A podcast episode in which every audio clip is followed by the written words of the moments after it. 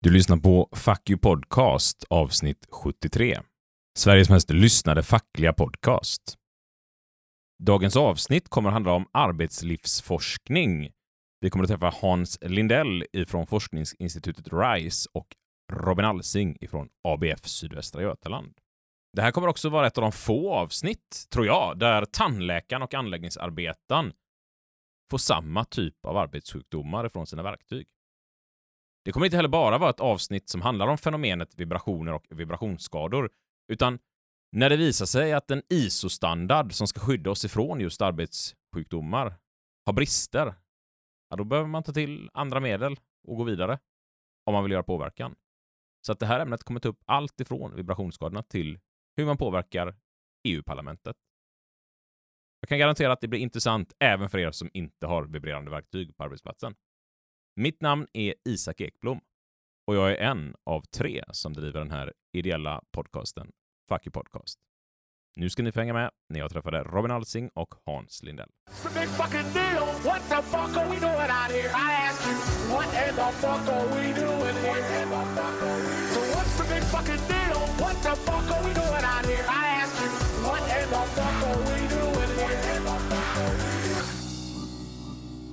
Sitter vi här i studion med två stycken gäster. En som är min gamla forna läromästare när det kommer till arbetsmiljö.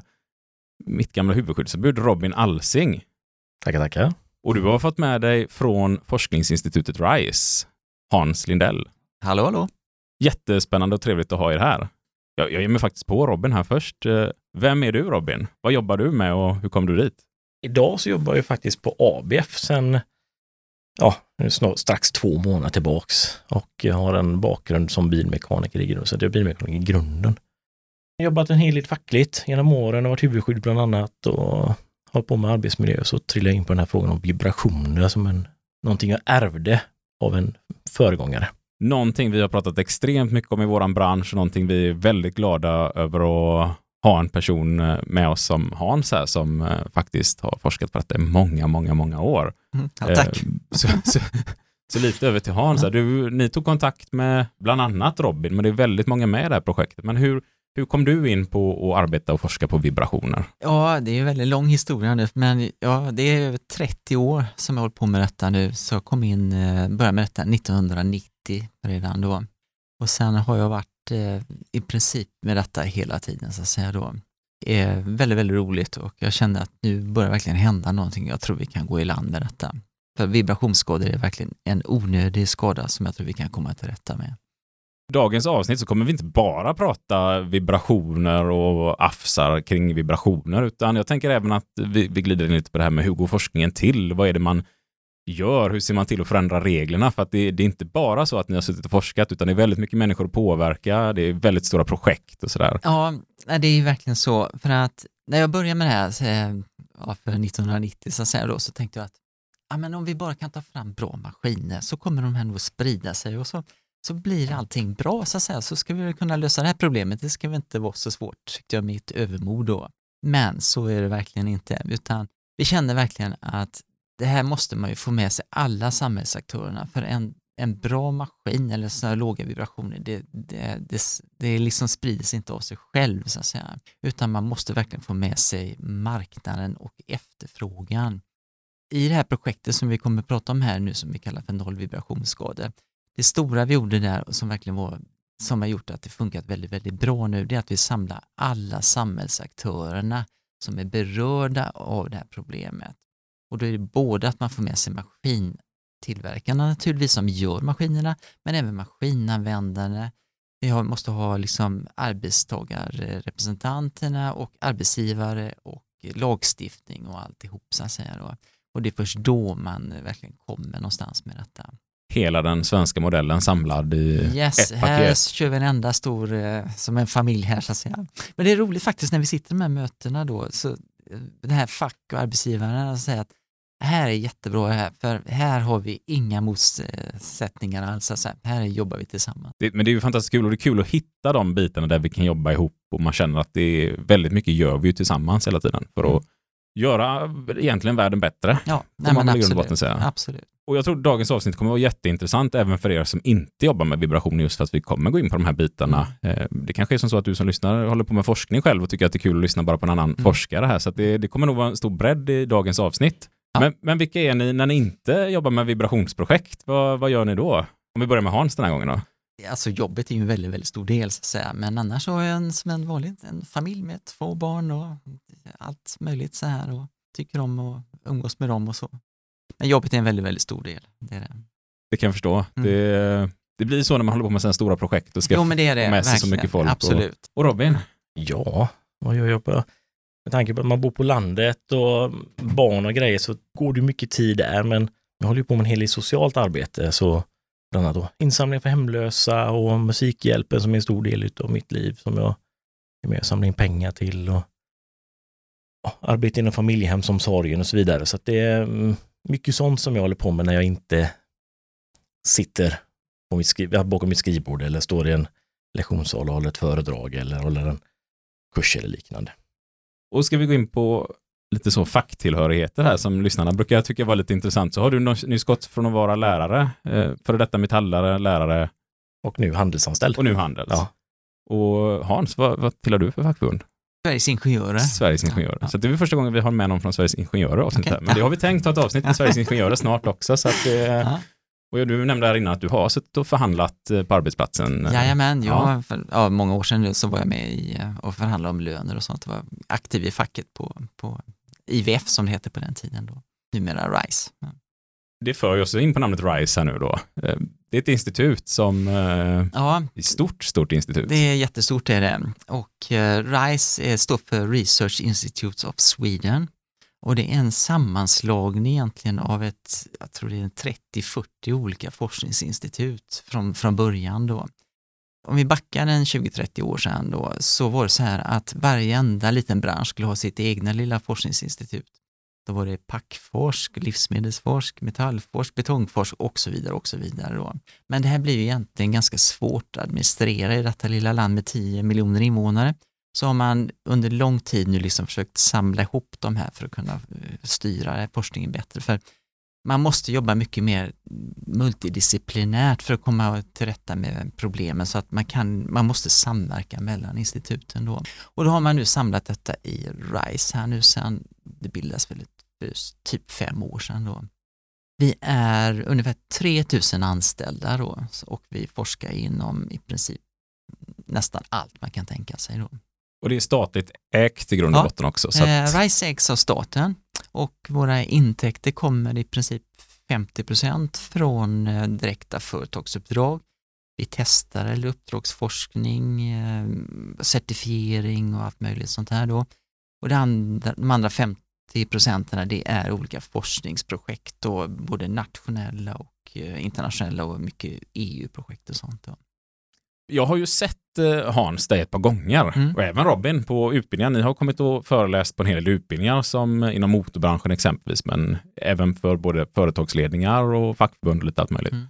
När du kom hit så sa jag ju till det här att jag har sett dig väldigt, väldigt många Mm. gånger och även på YouTube finns det lite klipp eh, och det tänkte jag att det ska vi länka till så att ni som lyssnar även kan gå in och kolla på de här YouTube-klippen som finns. Eh, Du kommer att köra igenom en liten powerpoint här som jag tycker är så otroligt bra.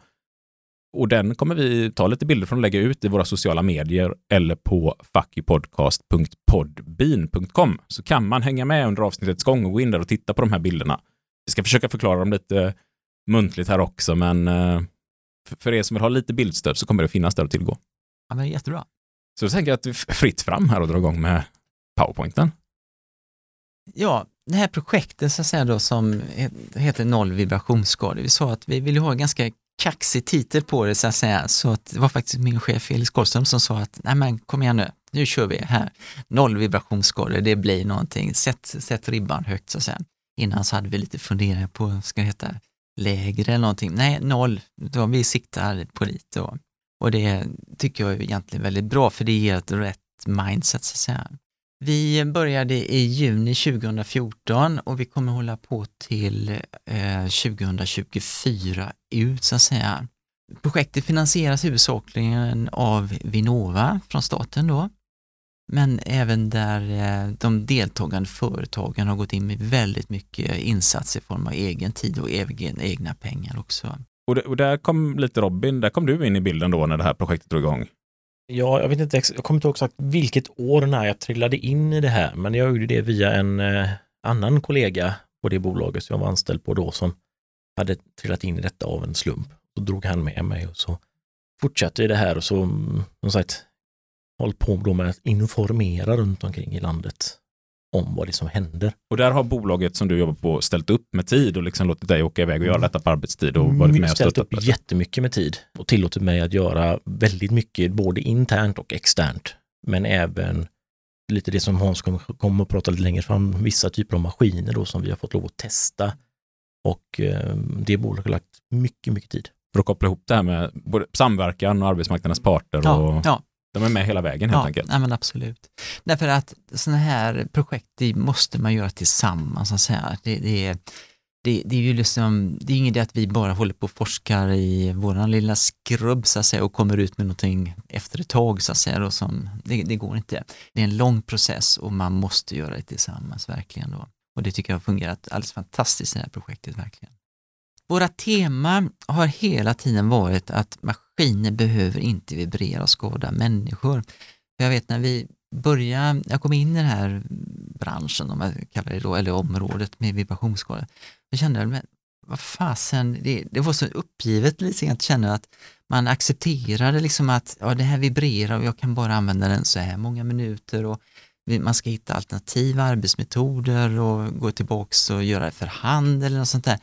Men jag kände verkligen att, ja men vad fasen, det går väl att göra det så att det inte vibrerar så att säga från, från början för att maskinerna är ju otroligt effektiva, man får ju jobb, jobbet gjort väldigt bra.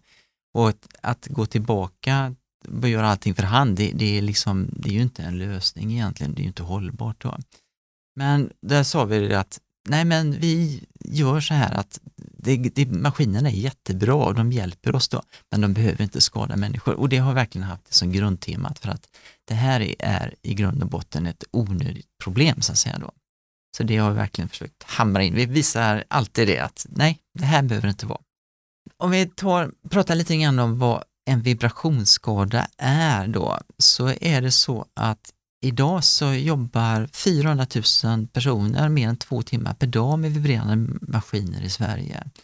Och det är faktiskt den vanligaste arbetssjukdomen i Sverige och i, bland annat i Storbritannien också, där det är faktiskt ännu större andel.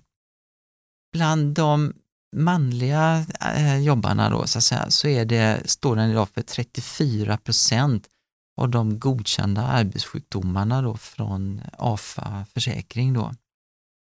Totala antalet är då 2182 eh, skador så att säga, och där är då 34 procent som är vibrationsskador. Då. Vibrationsskadorna gick om nu bullerskadorna nu för några år sedan då. Men där har ju varit en väldigt bra utveckling av bullerskador eh, med hörselskydd som har blivit mycket effektivare och trevliga att använda så, att säga, så de blir ju använda och de har fått ner och nu vill vi verkligen göra samma sak då på vibrationsskadorna då. Kanske också att många fackförbund och arbetsplatser har jobbat med det här med machokultur och lite sådana saker. Att man Absolut. faktiskt försöker även påverka människan i att använda Ja, den utrustning ja. som finns. För det, det har väl vi upplevt har varit ibland nästan det svåraste för ett skyddsombud att få det, det är inte svårast alltid att förhandla igenom de här bra verktygen utan att sen få folk att använda det. Ja, det är väl generellt den svåra biten. Och, eh, när jag började, jobba, alltså började skruva på sent 90-tal så fick man ju till sig att det där med hörselskydd är ju löjligt. Utan man vänjer sig hette det. Eh, och det, en del av de människorna idag ångrar ju det där uttrycket man vänjer sig för att Man blir döv till slut och det är klart att då kanske inte det är så störande med Nej, precis. Alltså det, det är ju det som är vanebiten. Att har du vant dig vid ett ljud så innebär det att du inte hör. Det är ju det som är själva grejen. Men ja, det ligger en hel del i det du säger. Men det är det som är så tragiskt med de här skadorna, både hörselskador och vibrationsskador, de kommer ju gradvis att säga då. Och man vänjer sig ju sakta men säkert så att säga vid de här. Och det som är så väldigt tråkigt är ju att när man väl fått de här vibrationsskadorna så är de är ju kroniska. Så att det finns liksom inget piller eller någon, något botemedel mot det utan är, är det så så är prognosen väldigt dålig då. De här skadorna då, det, det kallas för hand-arm-vibrationssyndromet, HAVS som ofta förkortas som då. Och det är skador både då på nerver, kärl och muskler och skelett. Så det är ju liksom en, det är flera olika symptom. Då. Om vi tittar då på nerverna som är egentligen den vanligaste och kommer först då, så är det minskad känslighet. Eh, du, om du stopp, säger att du stoppar ner handen i fickan så att säga då, och så kan du, brukar du kunna känna, där är nycklarna, där är mynten och så vidare då. Men då, då dina fingrar blir blinda som Katarina Nordander nere på AMM Syd ofta beskriver, hon är överläkare där nere. Man kan få stickningar, domningar, man får svårt att knäppa knappar och ja, det, det blir ganska jobbigt då. Jag tänker man kan likna det lite när man har iskalla fingrar, man har varit ute och inte haft några handskar på sig, Ja, de är blir- sådär ja. känslolösa Ja. liksom, och det är svårt att hantera. Men sen efter ett tag så kan du få svårt att kontrollera muskelstyrkan, hur hårt du håller i någonting, du kan plötsligt tappa ett verktyg. Hela, hela motoriken slutar ju fungera så bra som det gjorde innan. Sen har man ju det här andra då på, på kärlen så att säga då, det är ju då att man får de här vita fingrarna, det är ju det som gör sig bäst på bild och det är det man, folk ser ofta då när man pratar om det här med vibrationsskador då. Och det är ju då att eh, blodkärlen i fingrarna plötsligt i en attack drar ihop sig då. Och det inträffar ju ofta då när man är ute i kyla eller ja, och det sitter i ofta någon, ja, en, en period, en halvtimme eller någon timme så, och sen när det släpper igen då så gör det ont så att säga då. Och här ser vi bilder framför oss på just vita fingrar Ja. som vi kan dela i podden här så att Mm. ni får se hur det ser ut på sociala medier och på Mm. hemsidan. E- Och är det så där vita de ser ut alltså? När det, är, Ja, men så är det. det här är inte en förstärkt bild utan nej, det är... nej, nej, utan det, nej men alltså blodkärlet stänger av liksom i princip helt och hållet, stänger det. då.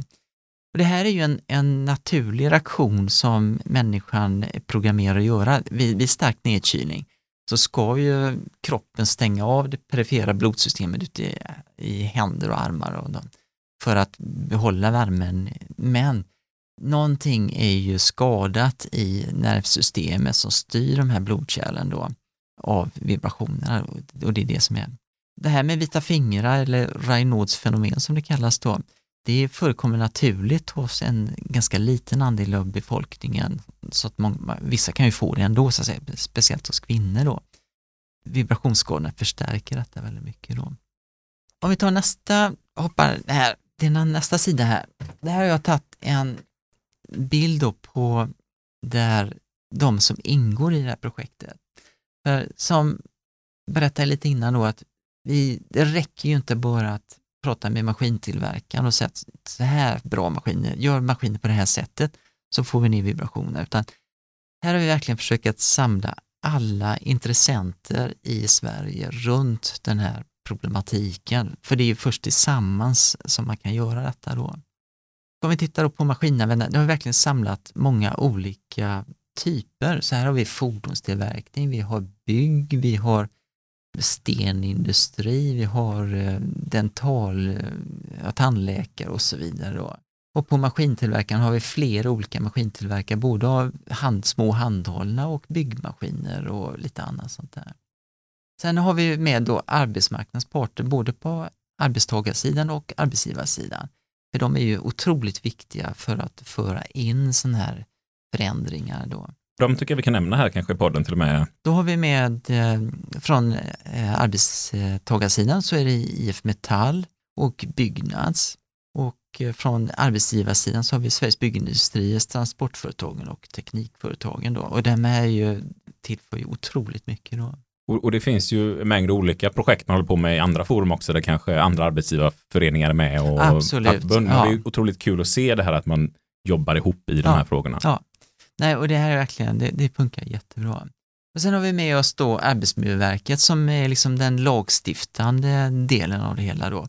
Och sen är det vi från forskningssidan då, så är ju det här naturligtvis inte bara ett mekaniskt vibrationsproblem utan det är ju lika mycket ett medicinskt problem. Så att här samarbetar vi i projektet här då så har vi med både Lunds, Sahlgrenska och eh, Umeå eh, universitetssjukhus här, un- universitet och Malmö högskola skulle jag säga också.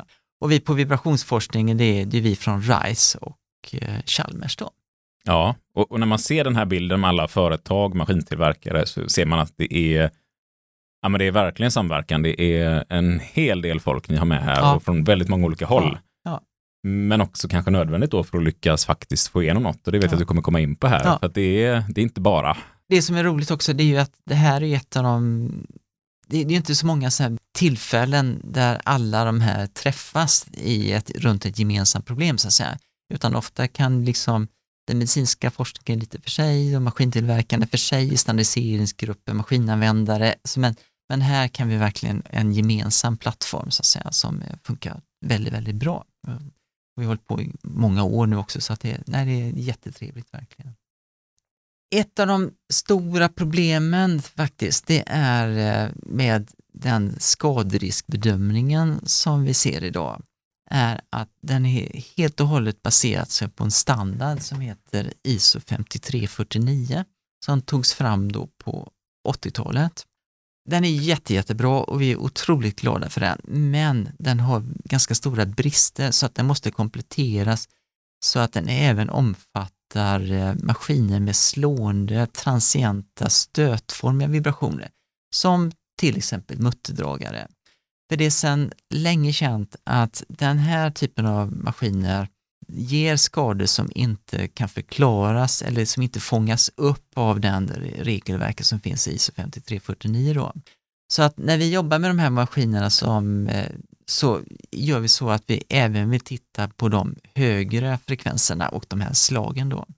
ISO 5349, den är så att den stannar vid 1250 Hz. Så alla vibrationer som går fortare, när någonting svänger fortare än 1250 gånger i sekunden, så säger man att nej men det, här, det, här, är inte ska, det, det här är inte skadligt, så det här tar vi inte hänsyn till då. Men de här vibrationerna från mutterdragare, de har huvudsakligen sitt energiinnehåll och där de är som mest skadliga, det är ungefär vid 4, 5, 6, 7, 8 tusen svängningar i sekunden då och då kommer de inte med alls då. Så att ni som har möjlighet att titta på den här presentationen här, så på sidan 7 i alla fall där, så ser ni en, eh, hur en vibrationssignal ser ut från en mutterdragare. Den grafen där till höger, där ser ni de här slagen som kommer då ungefär 30 gånger i sekunden från en mutterdragare och de har accelerationstoppar på mellan 5 och 10 000 meter per sekund kvadrat. Då. Och det är den här blåa kurvan där. Och där kan man känna igen lite från en ljudkurva exempelvis, Ja. om man håller på med musik eller något Ja, sånt där. Att precis. det, Sen då när man säger att nu ska vi bara titta på de vibrationer som är över 1250 Hz och sen så ska vi filtrera enligt den här vägningsfiltret som finns i ISO 5349. Av den här blåa, de här topparna så att säga, då blir det bara den här lilla röda kurvan då. Så att istället för att det är liksom 7-8 tusen meter per sekund kvadrat så blir det bara 7-8. Den trycker ner de här topparna med en faktor 1000 så att de i princip blir eliminerade då. och då behöver man inte räkna med dem när man ska titta på om produkten är farlig eller inte. Nej, precis. Och det är det här som är problemet så att säga då, för när vi ser att det är en stor skadeförekomst och hypotesen är verkligen då att de här transienterna, de orsakar eh, skador då. Och det finns en lång, stor mängd eh, alltså forskningsartiklar tillbaka i tiden som har indikerat att någonting är tokigt så att säga då med de här stötarna och det är någonting vi måste fånga upp så att säga då. Men problemet har hela tiden varit då att det finns inget sätt att, det har inte funnits någon bra metod att mäta dem och eh, kunna definiera vad stöt är eller kunna kvantifiera hur hög den är och, och så vidare. Då. Men det är det här vi försöker ändra på nu då. Och ibland när ni är ute och föreläser så likställer lite det här med komforten på ett flygplan. Ja, det, det är precis. Jag tycker det är en bra liknelse. Ja, det är, en, det är en analogi som vi brukar ha där. Det är att de här stötarna kommer plötsligt då och sen emellanåt så kommer det, händer det ingenting och så kommer nästa stöt igen då. Och om vi hade gjort, tillämpat samma skaderegler på ett komfortkriterium, eller det finns ett komfortkriterium för flygplan då, så vi kan se hur bekvämt det är att flyga då. Så att om vi skulle sätta på oss en, en accelerometer så, som mäter vibrationerna i bröstfickan då, eller sätta fast den på bröstkorgen någonstans. Och så hoppar vi in i ett flygplan då och så startar vi en lugn och fin dag. Vi flyger upp till ungefär 1000 meters höjd då. Efter fem minuter så öppnar vi dörren, vi hoppar ut där utan fallskärm och så ramlar vi ner i backen och så säger det pang. och så är vi stendöda sen då. Om vi då skulle se, läsa av komfortkriteriet, hur bekväm den här flygresan varit då, så har vi inte överskridit det. Det var faktiskt ganska skön flygresa för det var ju lugnt och fint så att säga. Och den här smällen som kom, den var ju så kort och högfrekvent så att den räknas ju inte. Då ska vi filtrera bort det för det var ju bara det här lunga gungandet som var det är egentligen det bekymmersamma då. Så att det här är lite exakt samma sak vi gör egentligen då. En, en annan analogi det är faktiskt vid, eh, vid skottbuller. På buller har man kommit mycket längre i detta då. Jag säger en pistol så att säga, du håller den bredvid örat och sen trycker du av den. Så kan du få en permanent hörselskada av den spällen så att säga då, för det tar ju bara någon millisekund så har du fått en permanent hörselskada. Om du då medelvärdesbildar det bullret över en åtta timmars arbetsdag så är det ju ingenting, för det är ju knäpptyst resten, så att det, det blir ingenting. Så att man kan inte bedöma transienta stötformiga vibrationer genom att titta på något medelvärde då. Och vi har andra analogier också, det är ju som skador vid sprängningsarbeten på byggnader eller transport av ömtåligt gods. Eh, alltså om du ska frakta en mingvas till någon eh, utställning på något museum eller någonting. Det räcker att du tappar den en gång, även om den kan gunga hur fin som helst på båten eller flyget över. Så det är ju smällen som du måste fånga så att säga då. Skadan är liksom redan skedd? Ja, nej men det, det är liksom, man kan inte hålla på med medelvärdsbilder och man måste fånga själva transienten, hur, hur kort den är så att säga, så att du inte kan filtrera bort det. Då. Och här tänker jag också på då Robin som huvudskyddsombud som har försökt i många år att jobba med det här med att få ner vibrationsskadorna på arbetsplatsen och så försöker man titta på den forskning som finns och så enligt den då så, så får vi inga skador.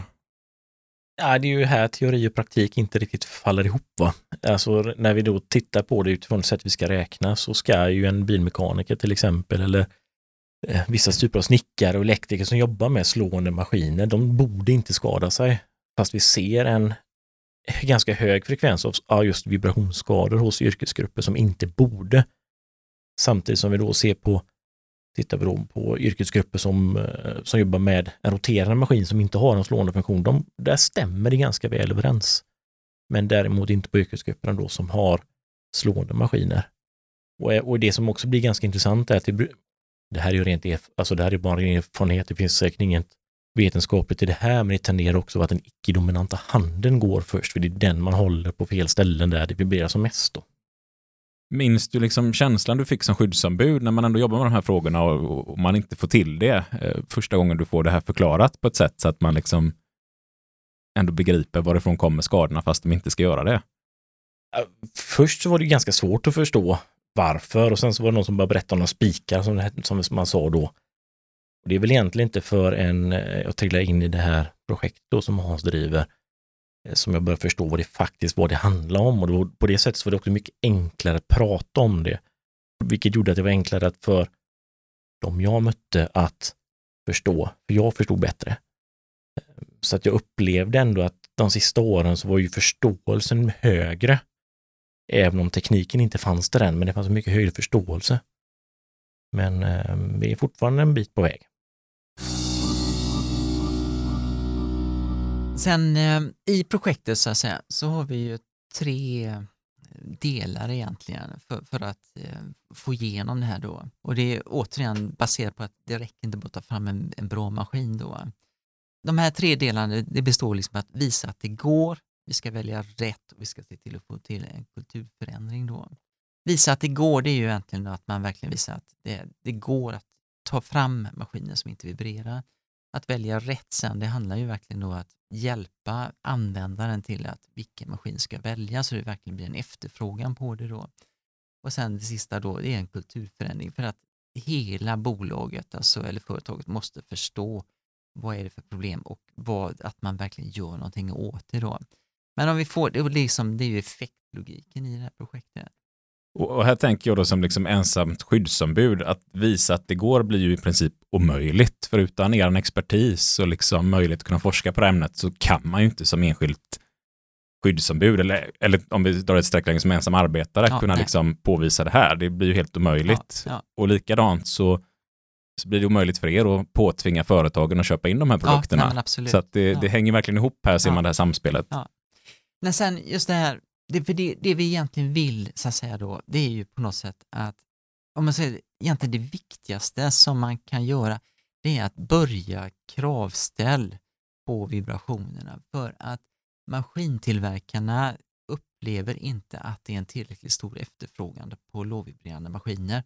Man tittar jättemycket på effekt och lite annat så att det ska vara snyggt och allt sånt där. Men att den här efterfrågan från kunderna är inte tillräckligt stor att vi vill inte ha vibrationer. Då. Därför är det så viktigt att vi verkligen informerar användarna om att det går att få bort vibrationer så att man vågar ställa dessa kraven. Då.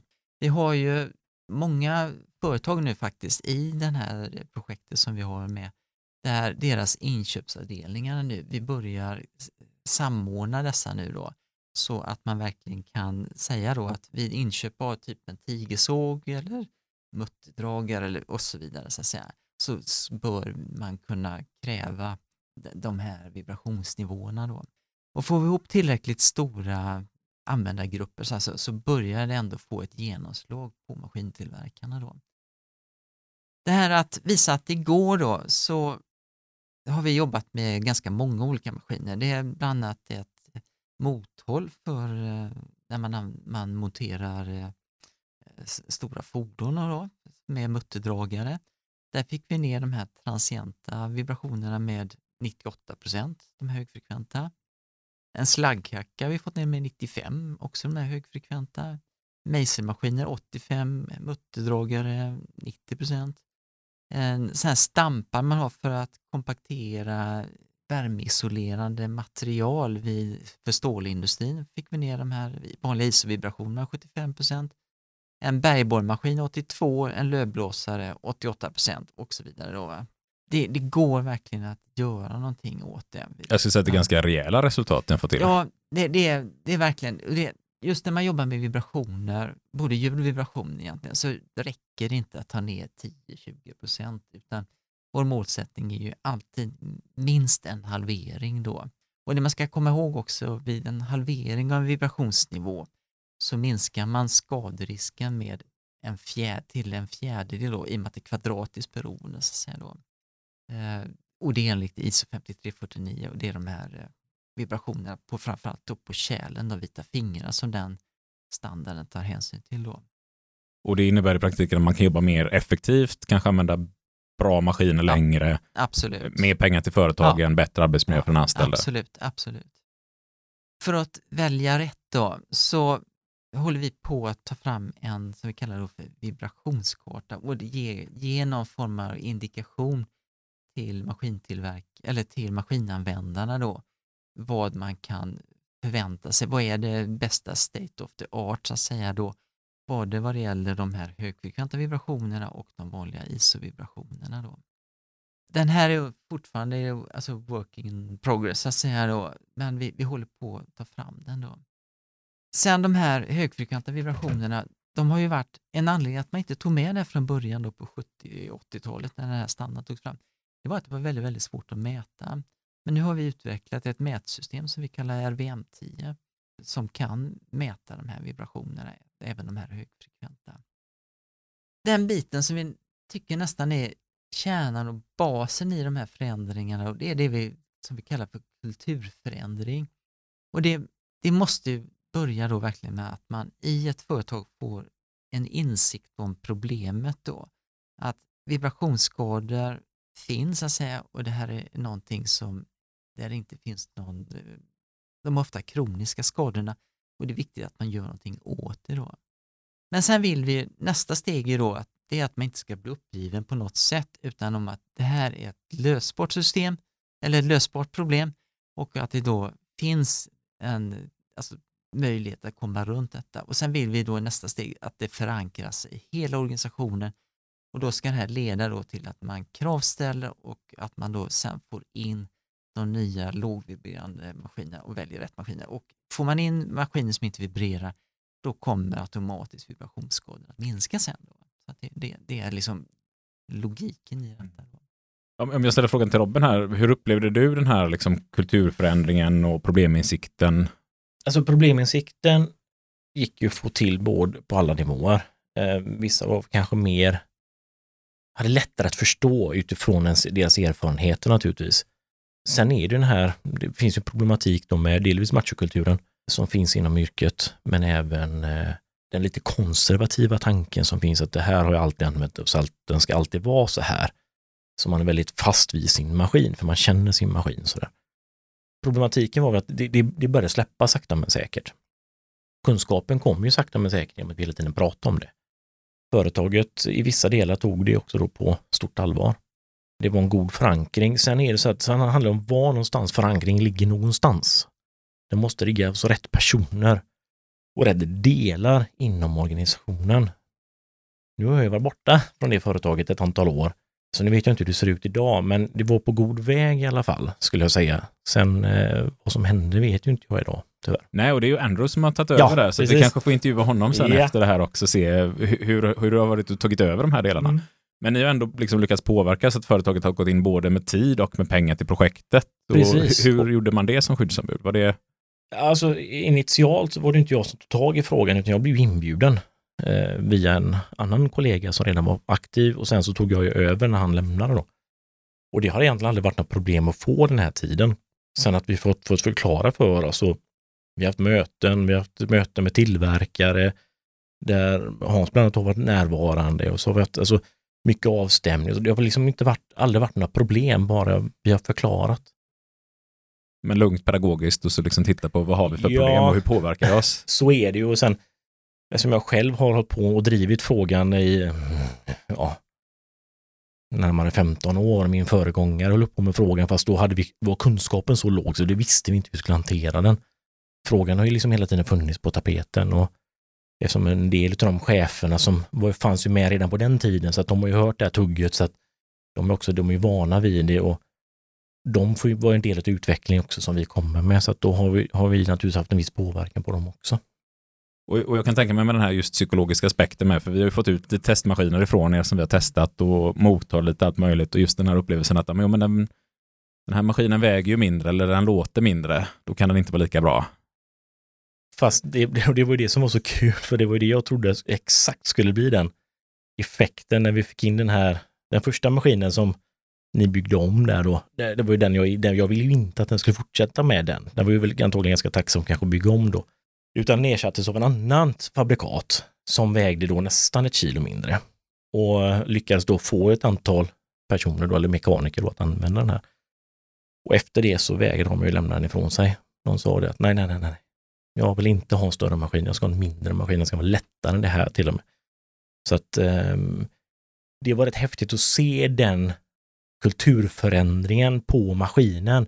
Att man äntligen var beredd på att nej, vi ska ha en mindre maskin, vi ska ha en lättare maskin. Det här är skitgott, den låter mycket mindre. Alltså man var så positiv. Ja, den, man upplevde att den kanske inte var riktigt lika stark i alla hänseenden. Men det var man beredd att leva med för då kunde man ha någon jättestark maskin liggare som man kunde gå och hämta vid just så man de fram just när det är nödvändigt istället ja. för att skada sig hela Precis. tiden på allt. Så att det, det, det, var jättekul att se att en ganska stor grupp gjorde en ganska stor förändring och vissa ville vara med och ville ha den här maskinen också. Och jag tänker att eh, Robin, du kommer bjudas in till fler avsnitt här för att prata just om kostnader kring arbetsmiljö och, och tänk och förhandlingsteknik när det kommer till hur kan vi jobba med de här punkterna. Och då tänker jag att då kommer vi kanske kunna använda det här som ett exempel också, hur det här projektet eh, gick igång. Ja, det är en del av det som jag försöker, jag försöker lära folk att byta språk när det kommer till arbetsmiljö. Det mm, tar vi då. Vi skulle dra igång hela projektet och vi sa att noll vibrationsskador då, det innebär ju egentligen att nu ska vi ta ner alla maskiner till, eh, ja, så att de ska sluta vibrera då. Och det känns ju ganska kaxigt, milt sagt, med tanke på alla tusentals maskiner som finns då. Men om man bryter ner det här så att säga, så blir det faktiskt inte så farligt. Ni som har tillgång till en bild och tittar på här på sidan 12 så finns det en eh, bild från European Risk Observatory Report. Det är en kunskapssammanställning som EU tog fram då, där man försökte samla vad är det för maskinkategorier som vibrerar och gör de här skadorna och hur mycket de vibrerar. Och det här är då uppdelat i ungefär 15 stycken olika kategorier och det är motorsågar, bilningshammar, röjsågar, mutterdragare och så vidare. Då. Och så har man sagt hur mycket de, visar de hur mycket de vibrerar som mest och minst. Då. Ja. Och då ser man att absoluta merparten vibrerar ju långt över 2,5 meter per sekund kvadrat då, som man idag betraktar som den ofarliga vibrationsnivån. Om vi sen då går ner i detalj på se vad är det egentligen som gör att de här vibrerar så ser vi att det är egentligen bara tre kategorier som det är tre fenomen egentligen som skapar de här vibrationerna. Den största gruppen det är de här där någonting går fram och tillbaka och slår på någonting. Det kan vara liksom en kolv som slår på en mejsel eller ett borr eller någonting. Då. Och då ger de upphov till så här translaterande vibrationer som går fram och tillbaka. Och det är typiskt ja, bergborrmaskiner eller mejselmaskiner eller något sånt där. Den andra gruppen då, det är de här roterande maskinerna. Då har vi, det är vinkelslipar och andra raka slipmaskiner, putsmaskiner och så vidare. Då. Och där är det någonting som snurrar runt och då är det nästan alltid en obalans i det slipmaterialet som orsakar vibrationerna. Och den tredje och sista gruppen då, det är de här med förbränningsmotorer som motorsågar eller trimrar eller något sånt där. Då. Och då är det själva förbränningsmotorn med vevaxlar och de här tändpulser och allt sånt där. Då. Så att vi egentligen har vi inte tiotusentals maskiner utan vi har faktiskt tre huvudproblem då. Translaterad, roterad och förbränningsmotor, eh, vibrationer då. Så nu börjar det bli lättare då. Och när man ser den här så blir man ändå lite mörkrädd sådär på bilden att eh, det ser ut som att vibrationerna ligger långt över vad de kanske borde. Ja, det gör de ju absolut. Så att, säga. så att det här finns ju en enorm förbättringspotential att trycka ner dem. För att vår målsättning är ju hela tiden att komma ner under 2,5 meter per sekund kvadrat då, vilket vi inte alltid lyckas med, men åtminstone en halvering på maskinerna vi ger oss an på. Då. De metoderna som vi har i vår verktygslåda då, det är eh, balansringarna eller autobalancers som vi tog fram på början på 90-talet, 1990 tror jag vi gjorde den första prototypen. Och det bygger på eh, att man lägger kulor i en ring då. Och de här kulorna kan man få att ställa in sig på en, några, någon tiondels sekund då, så att de här kulorna motverkar obalanserna som är i typ en, en slipskilja på en vinkelslip. Då. Så fort det lossar en liten flis i slipmaskinen, eller slipskivan då, eller att det blir en förändring eller att det blir glapp eller någonting så justerar de här kulorna in sig blixtsnabbt då och tar bort de här vibrationerna. Och det ser ut lite som ett eh, kullager fast ja. hälften av kulorna saknas. Ja, precis. Och de här kulorna är då fritt rörliga i den här då balansringen som vi kallar det då. Och så ligger en liten skvätt olja och så är det ett permanent förseglat lock där så att man behöver aldrig öppna den här och den har otroligt lång livslängd. Vi har aldrig sett någon som slitits ut egentligen den största gruppen av vibrationer det är de här translaterande som går fram och tillbaka. Då. Där har vi utvecklat en teknik som vi kallar ATVA som står för Auto Tuning Vibration Absorber. Och den bygger egentligen på att man tar en, en massa, en järnklump i princip, och så sätter man lite fjädrar i den och så får man den här att röra sig i motfas till eh, den kolven inne i maskinen som alstrar vibrationerna. Och på så sätt så kan vi få en, en motkraft som är lika stor som den som skapar då. Och så kan vi få ner vibrationerna på det sättet. Två krafter som tar ut varandra ja. helt enkelt. Det var det man fick lära sig i fysiken ja. en gång i grundskolan. Ja, man inte riktigt förstod ja. när ska jag användning för det här. Men här har vi det absolut. Absolut, kraft och motkraft, alltså det är toppen. Och det, och det känns nästan som magi. Det är så enkelt och så när du visar det så tittar man och tänker liksom, är det så enkelt? Ja, det är det. det men eh, det, det är väldigt enkelt nu, men det tog oss tre år att få reda på hur, hur det kunde funka. Hela det här systemet det bygger egentligen på en väldigt gammal teknik från 1908 som, som kallas för Tune Vibration Absorbers. Då. Den gamla tekniken den är otroligt känslig för man måste ligga på exakt rätt frekvens. Så fort man avviker det minsta lilla så, att säga, så tappar man effektiviteten eller också så fasvänder den och förstärker vibrationerna. Så att den här tekniken har aldrig tidigare varit tillämpbar för den här typen av maskiner som vi jobbar med. Då.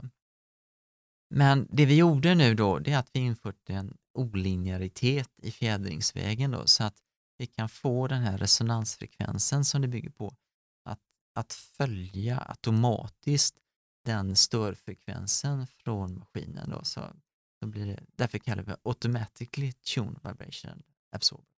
Sen så har vi eh, de traditionella teknikerna.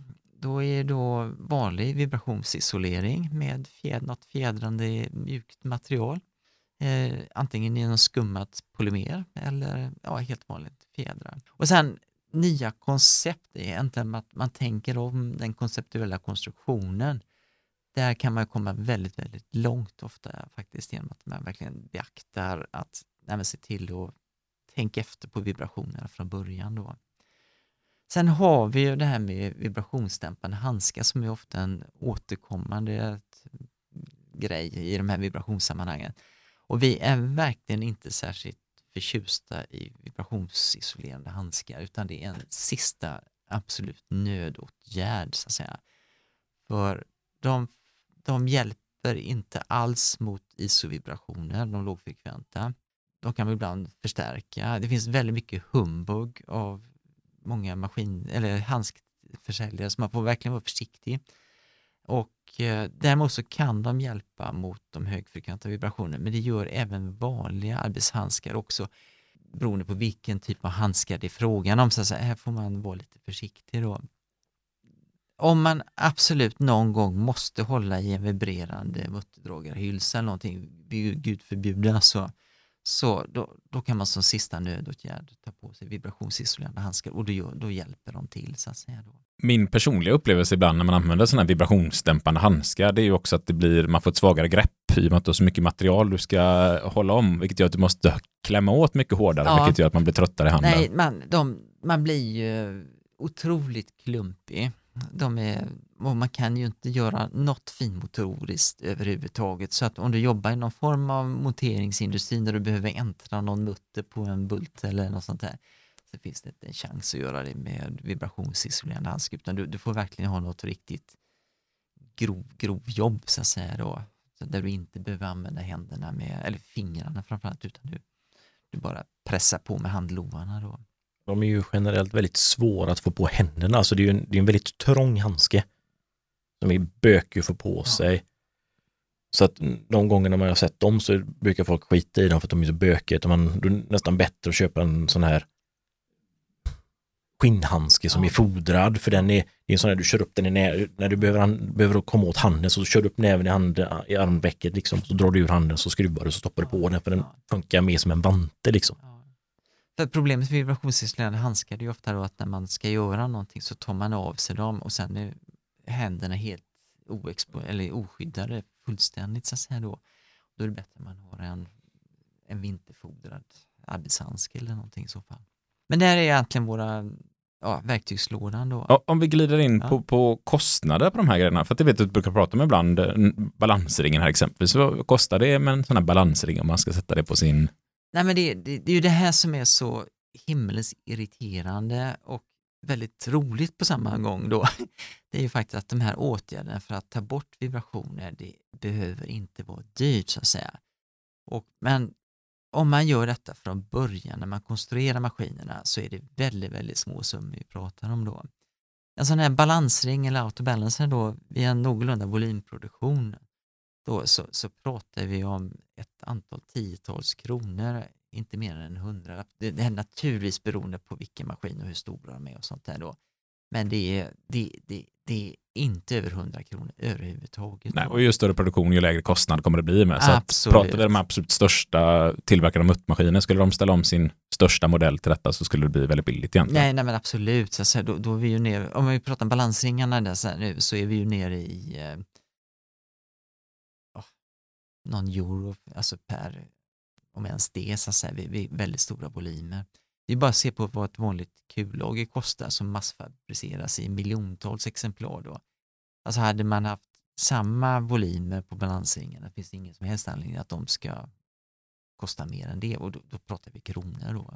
Och det är ju som du säger jättekul att det är så billigt och samtidigt blir man så frustrerad när man ja, men, vill påverka de här tillverkarna och ja, så Ja. Vi tog ju fram den här tekniken då 91 tror jag var. Jag tänkte liksom, ja men det tog väl några år innan så har väl alla detta då, för det fanns inga patent eller någonting och tekniken var ju väl beskriven och allt sånt här då. Nu är det ett gäng eh, maskintillverkare, bland Atlas Copco, Metabo och några till som använder detta då.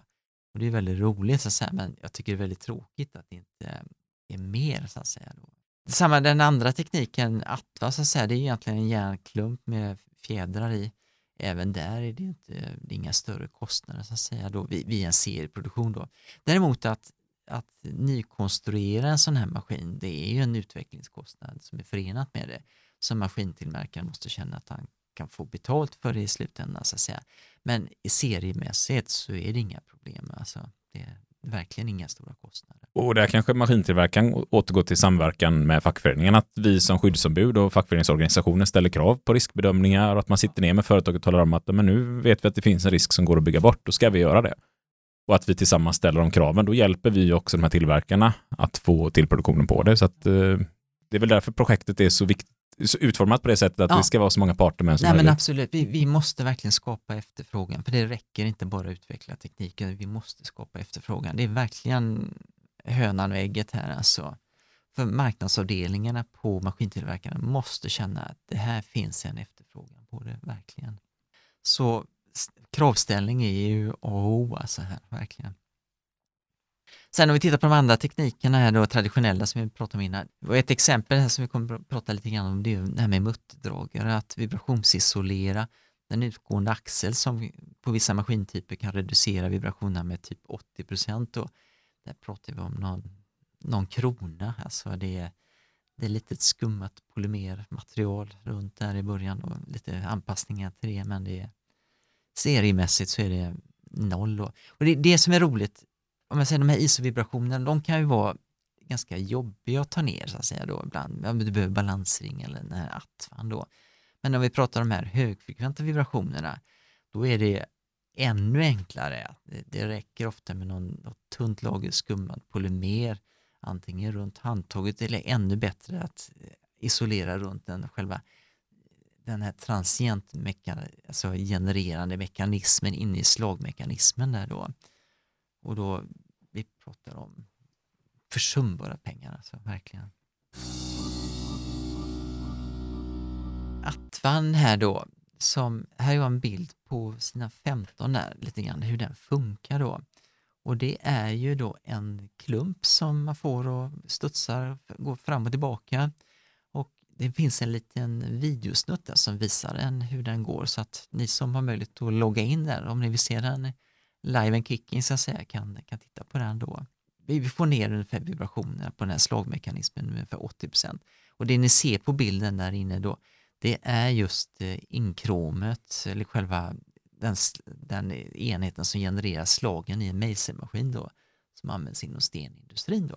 Och det här är jätteintressant att titta på, så att här rekommenderar jag verkligen att gå in på hemsidan eller på Instagram eller Facebook här, så får ni se den här tekniken, för det är, det är imponerande. Det ser så enkelt ut, men samtidigt så komplicerat. Eh, ja.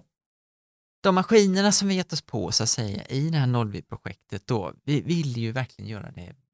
Vi, alltså grundtemat är ju verkligen visa att eh, vibrationer, alltså behöver inte finnas och det, ja, maskinerna behöver inte skada människor då. Och då menar vi då att då är det väldigt viktigt att vi tar en ganska stor bredd på maskiner. För tanken är ju liksom att nästan vilken maskin du än har så ska du känna att ja, den här maskinen är ganska lik denna då. Gick det där så borde det gå på denna då. Så därför har vi liksom tagit med borrmaskiner för stenindustrin. Vi har dentalverktyg så här, som tandläkarborrar. Det finns slagghackor, mejselmaskiner, stampar, tigersågar, vibroplattor för byggindustrin, mutterdragare och, och mothåll för mutter, så när man har när man håller emot eh, muttrar när man skruvar ihop grejer. Då. Ja, men när man ser den här bilden på alla maskiner ni har med så det känns som det, det kanske inte är så många frågor som tandläkaren och markanläggningsarbetaren sitter ihop så här. Men, men här gör vi faktiskt det och det är ja. spännande. Men det, det, är ju här det blir lite kul då, för om vi ska titta på den standarden. Ja. Så enligt standarden så vibrerar ju faktiskt inte tandläkars, tandläkarens verktyg. Nej, här är helt absurt. Alltså, här visar vi verkligen hur knäpp den här standarden är. Eller knäpp ska jag inte säga att den är, men den, den har brister då. Va? Ja. Och det är att sånt här tandvård, en tandläkarborr då, den eh, har en rotationshastighet, den snurrar runt med ungefär eh, ja, upp till 6000 varv i sekunden då. Och liksom 3, 4, 5, 6000. De, de är ju väldigt, väldigt högvarviga då. Och det innebär att den lägsta vibrationsfrekvensen som finns i ett tandläk, det är ju liksom en gång per varv då. Och när standarden stannar vid 1250 varv i sekunden så kan du tänka vad som är kvar då vid 3, 4, 5, 6. Det finns, finns ingenting, det är noll då. Så när de här tandvårdsverktyg, tandläkarborrarna säljs då, så säljs de då liksom i reklamen så står det zero vibration. Och såklart det är zero vibration när man bara tittar upp till 1250 Hz då. Tittar vi högre upp då vid 6, 7, 8 här då så ser vi att nej men snälla någon, det är ju absolut vibrationer ganska mycket. Ja. Och eh, vibrationsproblem så att säga är, en ganska, det är ett reellt problem för tandtekniker och tandläkare. Och vi har stödjit ett antal publikationer där man har sett detta så att säga på eh, medicinskt också. Då. Men det blir ju nästan ett löjligt påstående att det ska vara noll, för har man någon gång lag, lagat en tand så vet man att det vibrerar, nej, men för det absolut. surrar ju bra Ja. i huvudet. Alltså, Ja. så att det, Det- Så, så gör det ju. det, är- det är ganska fascinerande. Ja. Och och de här publikationerna ni har släppt, de finns på er hemsida som vi också kommer att länka till, så man kan Ja. gå in och får- läsa dem om Ja, man känner för det. absolut. Ni får jättegärna, ja, gå gärna in och titta på Och vi har lite så här Youtube-klipp och lite sånt där då. Så att vi har ganska mycket material där inne. Och det såg ut som det fanns både på svenska, engelska och tyska dessutom. Mm, tyska och kanske till och med. Vi- Någon publikation i alla fall. Ja, det kanske gör, Ja. jo, det gör det nog. ja, vi samlar där, så att vi, vi försöker verkligen eh, samla och länka eh, där på vår hemsida på Nollviv. Ja. Om vi exemplifierar på en mejselmaskin, det var egentligen den första som vi eh, byggde om med Atva-tekniken då. Den, det är att i stenbrotten i Bohuslän så använder man sådana här mejselmaskiner för när man ska göra kantsten och mursten och sånt. Då, då gör man hål som kallas för plurhål. De är ungefär 2-3 cm djupa och ganska avlånga och ganska smala. Då, då mejslar man ner det här. För sen kör man ner små kilar och spräcker den här stenen. Då. Det här jobbet är, hade man gamla maskiner som vibrerar väldigt mycket. De gamla maskinerna låg på ungefär 20 meter per sekund kvadrat. Då. Men med den här maskinen, den nya då, så är vi nere på 2,7 meter per sekund kvadrat. Då. Och det är mätt enligt den standarden som finns idag. När man sen jobbar på riktigt så tillkommer en del så här att man måste röra maskinen och den hoppar lite i sidan och sånt där. Så det, det blir lite högre då. va. Men vi har en väsentlig reduktion då. Men det som var bra nu också, det är att vi har i princip halverat vikten på den, den nya maskinen. För den gamla maskinen var man tvungen att göra, alltså gamla maskiner, bergborrmaskiner och sånt där, tryckluftsdrivna, de måste man göra ganska tunga för att man överhuvudtaget ska kunna hålla i dem. Och då adderar man massa på dem då. Men i och med att den här Atvan tar ju hand om vibrationerna till väldigt stor del då, då behöver vi inte ha en extra massa, så vi har tagit bort den då. Och då fick vi ner vikten till hälften ungefär. Men när vi ändå var igång då så gjorde vi ett eh, effektivare dammutsug då och sen så har vi förbättrat ergonomin också så att man har höj och sänkbara handtag där så att man eh, beroende på hur lång mejseln är då så, och hur lång man är själv så, så kan man justera detta då. Det kunde man inte på den gamla maskinen utan var man tvungen att stå böjd över den då. Sen har vi en mutterdrager om vi kommer in till bilverkstäderna då. Den första maskinen det var en sån här CP734, en otroligt vanlig maskin som funnits sedan 70-talet. Och där gjorde vi en sån här vib vibrationsisolerade den utgående axeln på den maskinen. Det är en sån här eh, med gjutet aluminiumhölje. Och då låg de här eh, transienta vibrationerna på ungefär 7000 meter per sekundkarat. Och bara genom att lägga en liten sån här skummat polymer runt den utgående axeln då, så fick vi ner den då till 800 meter per sekundkarat. Så det är nästan en, ja, en, vi fick ner det till en, en niondel ungefär då. Och det här är ju, det är bara lite, i princip lite skumgummi där framme då och så är det borta då. Så att det är otroligt enkel åtgärd som ger enormt mycket då. Men det känns som när man tittar på flera av de här lösningarna jag gjort så är det enkla lösningar, genomtänkta och så som du visar här på maskinen innan eh, dessutom en hel del förbättringar. Du visar också på en, en film här som du gärna får berätta om sen, eh, norska Ja, det fjällarbetare här. Eh, Och, och då tänker man så här, det, det kommer rätt mycket bonuslösningar med där också. Så bara få ner Ja. vikten på maskin Ja. och alla ergonomiska problem Mm. för transport av en maskin och sådär. Det, det är mycket positivt Ja. som kommer ur detta. Det är det är väldigt kul faktiskt nu med eh, både de här norrmännen och eh, nu den här stenindustrin, när vi börjar med det. Så alla de här projekten har ju börjat då som ett renodlat vibrationsprojekt. Då. Hur ska vi få ner vibrationerna? Men när vi börjar med det här så för att få fram bättre maskiner så måste man ju jobba väldigt nära med de som använder maskinerna. Och vi har alltid börjat så här liksom, ah, hur ser en drömmaskin ut? Liksom? Vad, om ni fick, vad, vad är den perfekta då? Då hade vi sån här, eh, det delade ut lite så här enkäter då till eh, de i stenindustrin. Då. Ja, men då sa de att ja, vi vill gärna att den ska vibrera mindre naturligtvis, men får gärna bli tystare, bättre dammsug, vart bra om vi kunde justera handtagen, lägger lägre vikt och så vidare. Och sen då när man gör, när man ändå startar om från början då, så kan man liksom, när man är igång så, säga, så tar man det på en gång så att säga. Då. Och det gjorde vi nu med eh, de här norska, eh, de som jobbar med fjällsäkring i Norge då. Och då kom det upp också att ja, vi, det här med damm är ju väldigt jobbigt också då. Kan vi få ner ljudet så hade det också varit en fördel då, så då har vi fått ner det också så att säga. Vi kan visa en liten filmsnutt här sen. Alltså det går så att säga, men det gäller att tänka efter före då.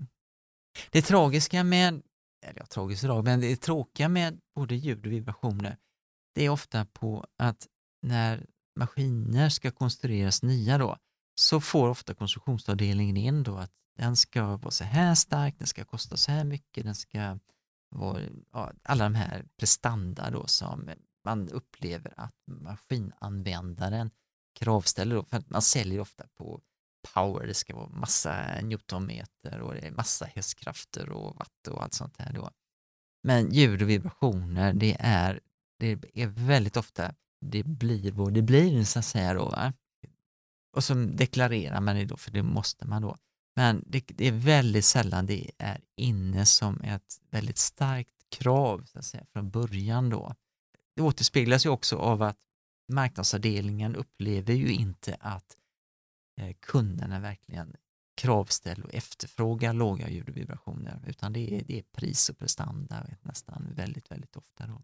Och jag tänker också när man som privatperson går och ska köpa ett verktyg så går det ju knappt ens att hitta vad vibrationstalen är på en maskin. Du får leta det finstilt alltså, så in i instruktionsboken så att säga då. Så kravställning. Jobbar även på, med en borrmaskin här, nu har inte kommit så långt än, men det var en första prototyp i alla fall. Där fick vi ner vibrationerna från 18 meter per sekund kvadrat ner till 3 meter per sekund kvadrat.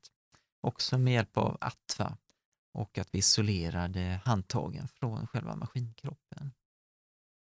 Ett väldigt eh, roligt projekt som varit fantastiskt bra tycker jag och där vi har just den här problematiken att det är vid eh, montering, eh, monteringsindustrin inom fordonsindustrin så jobbar man med mutterdragare och sen har man ett mothåll där man håller muttern där man ska liksom för att eh, ja, det inte ska snurra runt så att säga naturligtvis då. Traditionellt för de som inte har sett det Ja. så om man tänker sig med en vanlig blocknyckel eller skiftnyckel i ena handen och med andra handen kör man med maskin och så Exakt. behöver man ju stanna muttern. Ja, exakt. Och eh, i det här företaget då så har man ett behov av att eh, den här muttern inte ska liksom gänga upp sig då när den utsätts för vibrationer. Då, då är muttern stukad då, så det är som, som en, en, en kraftig, den ovaliserade, lite som en nylock-variant eh, då. Och det innebär att när man drar muttern då så är det ganska mycket moment som förs över till den här blocknyckeln då. Och då hade man ju haft problem med vibrationsskador och då tittar man ju väldigt mycket på hur mycket vibrerar maskinen då. Men så glömmer man lätt att det, det mesta vibrationerna kommer ju inte i maskinen utan det är faktiskt i den här blocknyckeln där man höll emot. Då. va. Och när vi mätte på maskinen och blocknyckeln så såg vi att det var ju väldigt mycket mer vibrationer i blocknyckeln än vad det var i maskinen och framförallt de här högfrekventa transienta stötarna så att säga, de var alldeles kolossalt mycket mer där så att säga, och det var ju liksom huvudproblemet då. Det vi gjorde sen då, det var att vi utvecklade en sån här mothållsnyckel då, där vi vibrationsisolerade den då. Och där fick vi ner vibrationerna från 8000 i nivå då ner till 150 meter per sekund kvadrat. Det är ju liksom en, i princip, det är brusnivå vad vi kan mäta. Så den har vi liksom i princip ja, utraderat, eliminerat då. Och samtidigt de här lågfrekventa isovibrationerna fick vi ner till ungefär en halvering då. Och, och, när man står och monterar exempelvis en dragkrok på en bil så på många modeller så behöver man jobba på just det här sättet. Och det är i princip inte möjligt att dra det för hand eller för den här ovaliseringen på muttern gör ju att det är sådana extrema krafter man behöver ta i med. Så att här måste vi ju på något sätt använda det här. Och de som har stått och bytt en dragkrok så här vet hur ont det kan göra i den icke-dominanta handen när man ska hålla emot.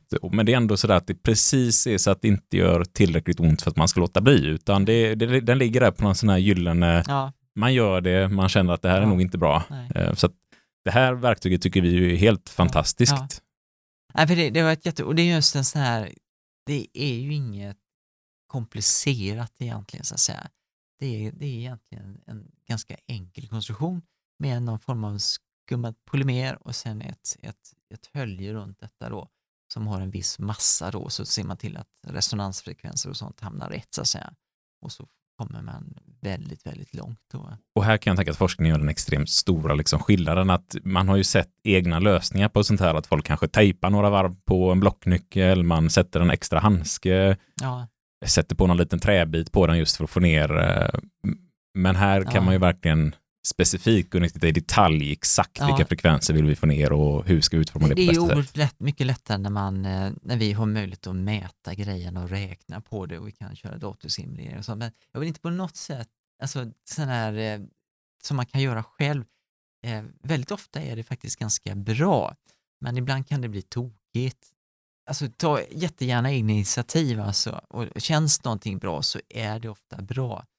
Men eh, det underlättar och man kan komma ännu mycket längre om man räknar på grejerna och gör det ja, på riktigt. Så Ja, men det kan jag tänka ja. mig. För ibland ser man ju kanske lösningar som, som nej. du säger, kanske förvärrar saken. Ja, man har tänkt nej, det, men inte hela vägen. Nej, det finns, eh, vi har ju sett en del då, men eh, vi har sett mycket bra också, så att det, det, fin det finns både också. det bästa kanske är man kan kombinera, man kan ja.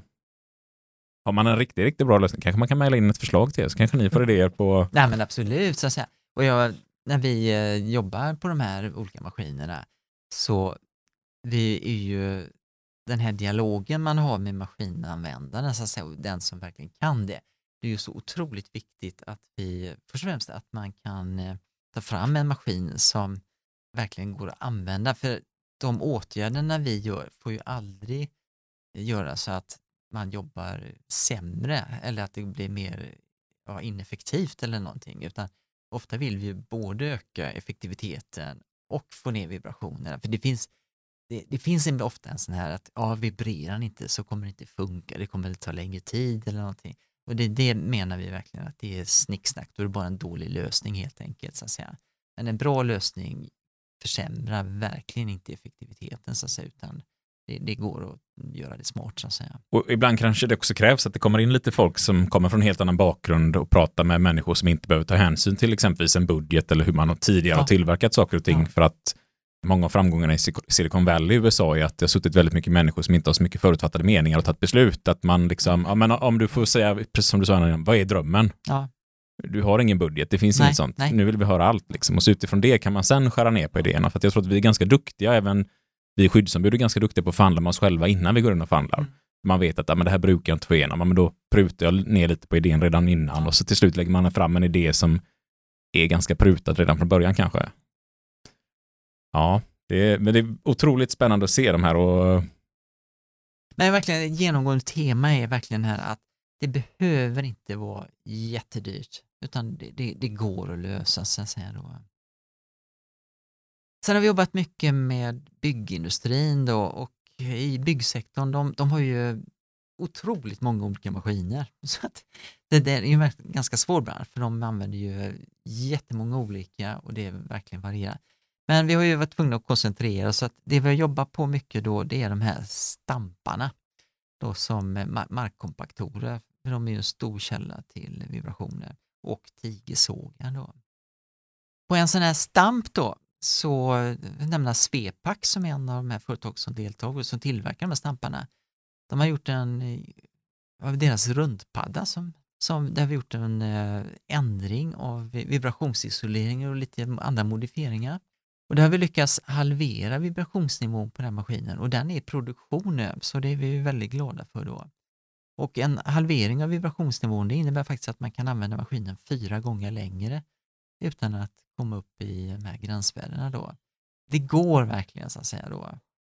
Och här är ju kul för att här har vi även fått en efterfrågan från maskinanvändarna då att de vill ha det. Och så det är nog rekord i att snabb implementering i produktion, så att det, det tycker vi är väldigt skojigt. Ja, och alla som har kört en sån här padda vet ju vad, hur de vibrerar, Ja. så att, att ni har fått ner det med hälften här, det, Ja. är, det känns ju helt fantastiskt.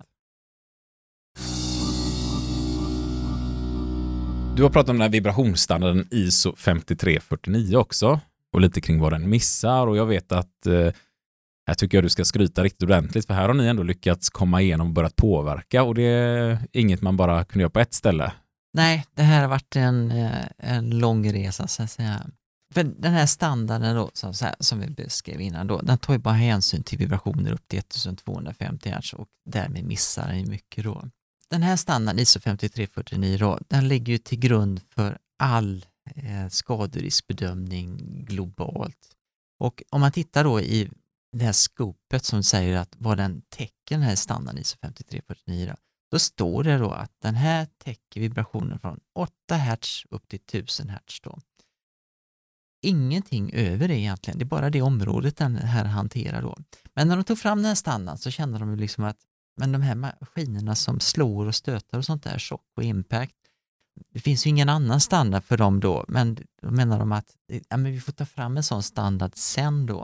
Och därför står det i den här texten då att provisionally this part of ISO 5349 is also applicable to repeated shock type excitation impact. Alltså så länge så får vi använda den här. Men det är så länge har varit väldigt så länge i och med att det är sedan 80-talet nu, det är ju det är över 40 år då. va. Sen i revisionen då 2001 så la man till en not 1 och man kände att vi har ju fortfarande inte kommit vidare här och ville verkligen understryka att det här är inte riktigt bra då. Så skrev man The time dependency for human response to repeated shocks is not fully known. Application of this part of ISO 5349 for such vibration is to be made with caution då. Så att var görförsiktig om man ska göra en skaderiskbedömning för just den här chock och transienter då. Nu sen 2017 är jag ordförande i den här internationella standardiseringskommittén för hand-armvibrationer. Och vi har startat ett arbete nu att ta fram en standard då för både att kunna, att kunna mäta vibrationer, kunna definiera hur höga de är och liksom göra någon, börja liksom kunna hantera chocker så att säga. Då. För innan har det varit väldigt vagt, liksom en chock är någonting som smäller till och sen så klingar ut men man får liksom ingen fysik eller matematik runt detta. Då. ISO 5349, dess formuleringar den spiller vidare ner, ner till afsarna här. Så vibrationsafsen där, om man tittar då i paragraf 6 där, så står det här i de fall då exponeringen domineras av eller innehåller kraftiga stötar är det viktigt att vara försiktig då mätmetoden i föreskrifterna kan medföra risker för ohälsa och olycksfall vid stötar underskattas. Därför är det lämpligt att vid riskbedömning av exponering med stort stötinnehåll även utföra en specifik utredning för stötarna. Bla bla bla. Här kommer ordet stötar, stötar, stötar med hela tiden, men det finns ingenstans vad är en stöt, hur mäter man eller hur mäter man hur hög den är så att säga. Och det är här vi måste komma till rätta med då. Det som är fantastiskt skojigt nu som jag verkligen tycker är ett otroligt genombrott som jag har längtat efter i, ja, 30 år nu. så att säga. I princip då. Och det är, jag måste säga, det, det är en eh, Ronny Lundström på Umeå universitet. Han gjorde ett jobb på det här redan på 80-talet. När han pekar på att det här med stötarna, det är inte bra så att säga. Och jag har verkligen tagit, jag är verkligen tacksam för det här han satte mig på de här spåren då. Vi har nu i alla fall lyckats få en skrivning in i förslag till nytt maskindirektiv på EU-nivå nu då. Och maskindirektivet är, det är den förordningen som, eller direktivet då, som säger vad en maskintillverkare måste uppfylla för att få sälja eh, sin produkt på den europeiska marknaden då. Och nu har det kommit med i alla fall att de här peak, uh, the mean value of the peak amplitude of the acceleration from repeated shock vibrations uh, to which the hand arm system is subjected, den peak-amplituden måste deklareras av maskintillverkarna. Och nu för första gången så blir det ju äntligen ett incitament för maskintillverkarna att göra någonting åt detta och det kommer finnas en möjlighet för maskinanvändarna då också att kunna få en siffra och kravställa gentemot då. Så äntligen, så att säga då. Det som händer nu sen då, det är ju att det här är ju ett, ett, ja, ett förslag till maskindirektivet som nu gick igenom den här trialogen som det kallas då i juli i år.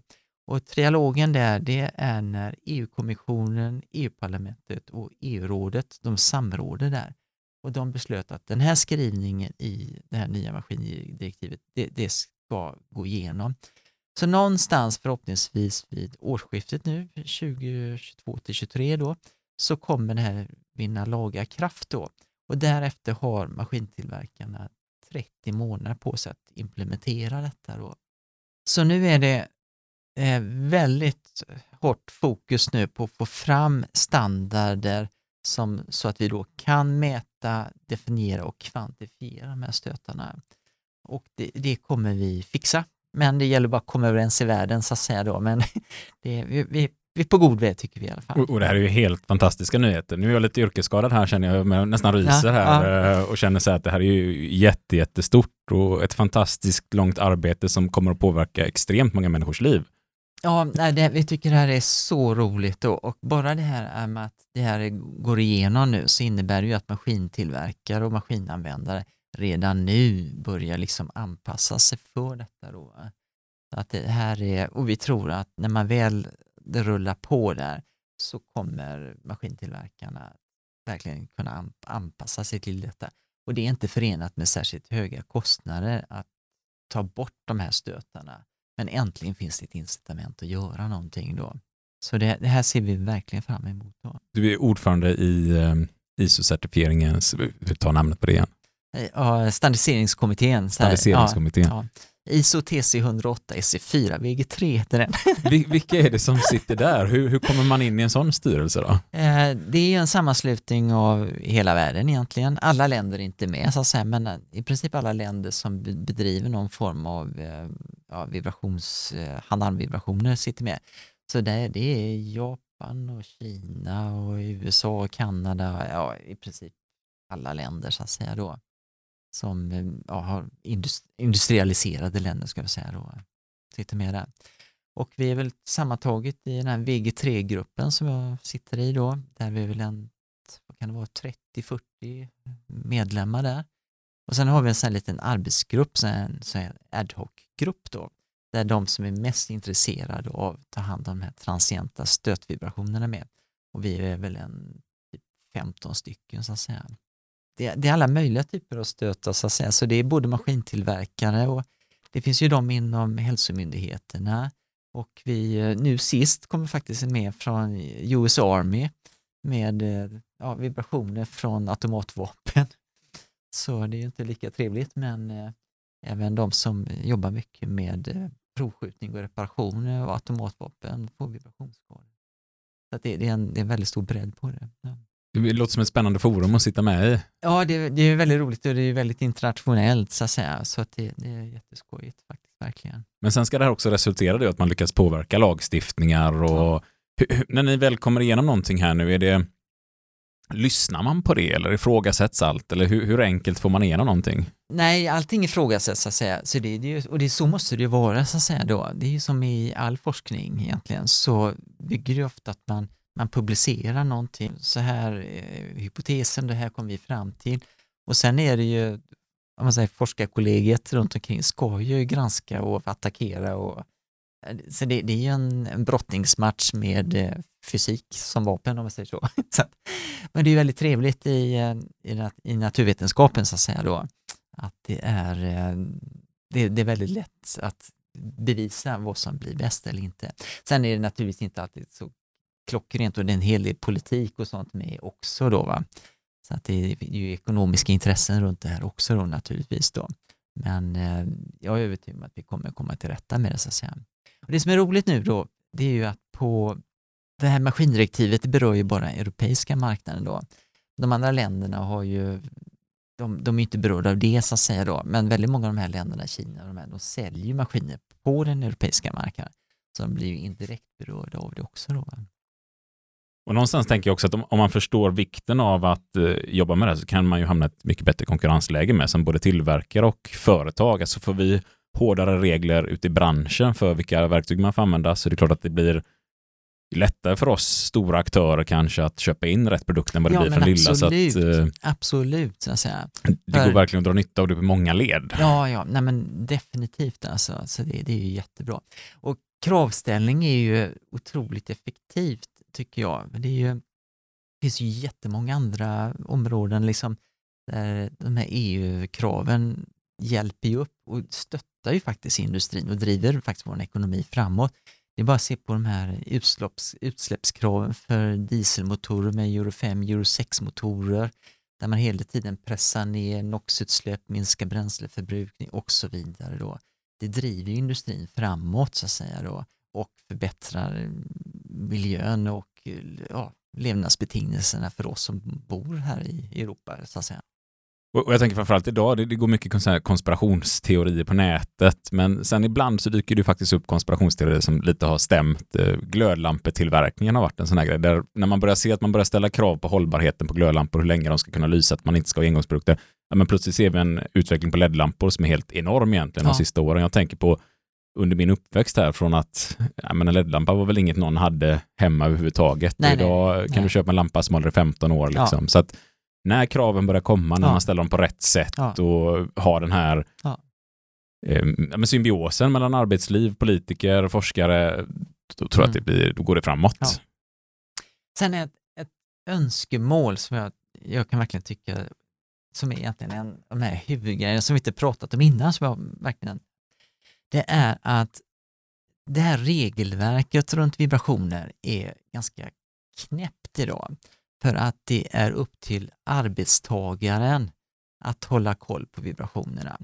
Vilket, jag, vilket går i stick i stäv med väldigt, väldigt mycket annat. För där är det, idag har ju maskintillverkarna har ju inte på sig, de ska deklarera hur mycket de vibrerar, men de har inga krav på sig överhuvudtaget hur mycket vibrationer en maskin får släppa ut. Du kan tillverka en maskin som släpper ut alltså oändligt så att säga då. Men utan det är arbetstagaren som måste hålla koll på hur många timmar körde jag denna maskin och så här. Om vi då går in i byggsektorn bland annat där man använder lite mutterdragare, lite tigersågar, lite dittan där dattan och sen förändras ju arbetsprocessen över tiden i ett bygge så att säga. Att då hålla reda på hur mycket man använder den maskinen då, när, hit och dit, det är i princip omöjligt skulle jag vilja säga då. Jättesvårt och man leder ju inte heller själv rätten att fördela arbetet. Så att ibland Nej. kanske man också hamnar i ett läge där man inte vågar säga emot, även om man vet hur mycket man Definitivt, använt maskinen. Men det här är ju grundproblemet då, för om man nu tittar på avgasemissioner från en, eh, om vi tar en bergborrmaskin eller någonting, som förbränningsmotordriven då, där finns det absoluta krav då på att avgasemissionen ska underskrida en visst antal någonting då. Ljudemissionen, hur mycket ljuden ska låta, det ska också underskriva en absolut en nivå så att säga. Och det här är ju absoluta utsläppstak som maskintillverkaren måste förhålla sig till då. Men på vibrationerna så är det fritt fram så att säga då. Och min dröm är verkligen alltså, det är att man går in och lagstadgar egentligen att på, precis på samma sätt man gör med ljud och emissioner så ska liksom en, en mutterdragare få inte släppa ut mer än så här, en tiger såg så här och så vidare då. Och sen så sakta skärper man det. För då hade vi gjort precis samma sak som man gör på nästan alla andra med emissioner från eh, ja, dieselmotorer, bull och så vidare. Då. Och det hade varit den absolut mest effektiva. Det, det går liksom inte, säg nu om en, vi skulle ha det här på ja, typ, ja, leksaker, kemiska hälsorisker från leksaker, det är ju väldigt, väldigt hårt reglerat. Jag ser, du, du har ju tre barn här, såg jag. Ja, och vi har dessutom en fru som är engagerad i eh, vi se vad det projektet är, Giftfri förskola. Ja. är jätteengagerad just i den här Okej. frågan. Så att, eh, Då, tänk, tänk nu då i den här giftfri förskola då, att man skulle behöva hålla koll på att de här barnet nu lekte, nu var det 20 minuter i måndags med tåget och sen så var det dockan 15 minuter och så ska man räkna ihop då hur stor giftexponeringen var och sen i slutet på veckan säga nej nu får du inte leka mer med den för nu har du uppnått din gräns för det och det och det. Då, va? Det, det är ju helt vansinnigt, så kan man inte göra. Så, här, Det behövs ett hård reglering ja, för att få bort istället det. sätter man absoluta tak, så att säga. Det får inte innehålla mer än si så många ppm av det och det och det och det och det då. Och precis på samma sätt borde vi kunna göra med vibrationer och det finns egentligen ingen anledning att man, att man inte skulle kunna göra så här. Så det är min, det är min yttersta dröm, men det här komplicerar det extremt mycket på EU-lagstiftning och så vidare. Så att säga. Men det, det, är det, det är den ultimata lösningen på detta. Då. Jag brukar ofta avsluta och ställa just den här frågan om du fick chans att förändra något, men här fick vi den redan Ja, innan det- och det är ju helt underbart när man inte bara kommer med problem utan man kommer med lösningen också. Nej, men det, det är min dröm, alltså en absolut utsläppstak så att säga då.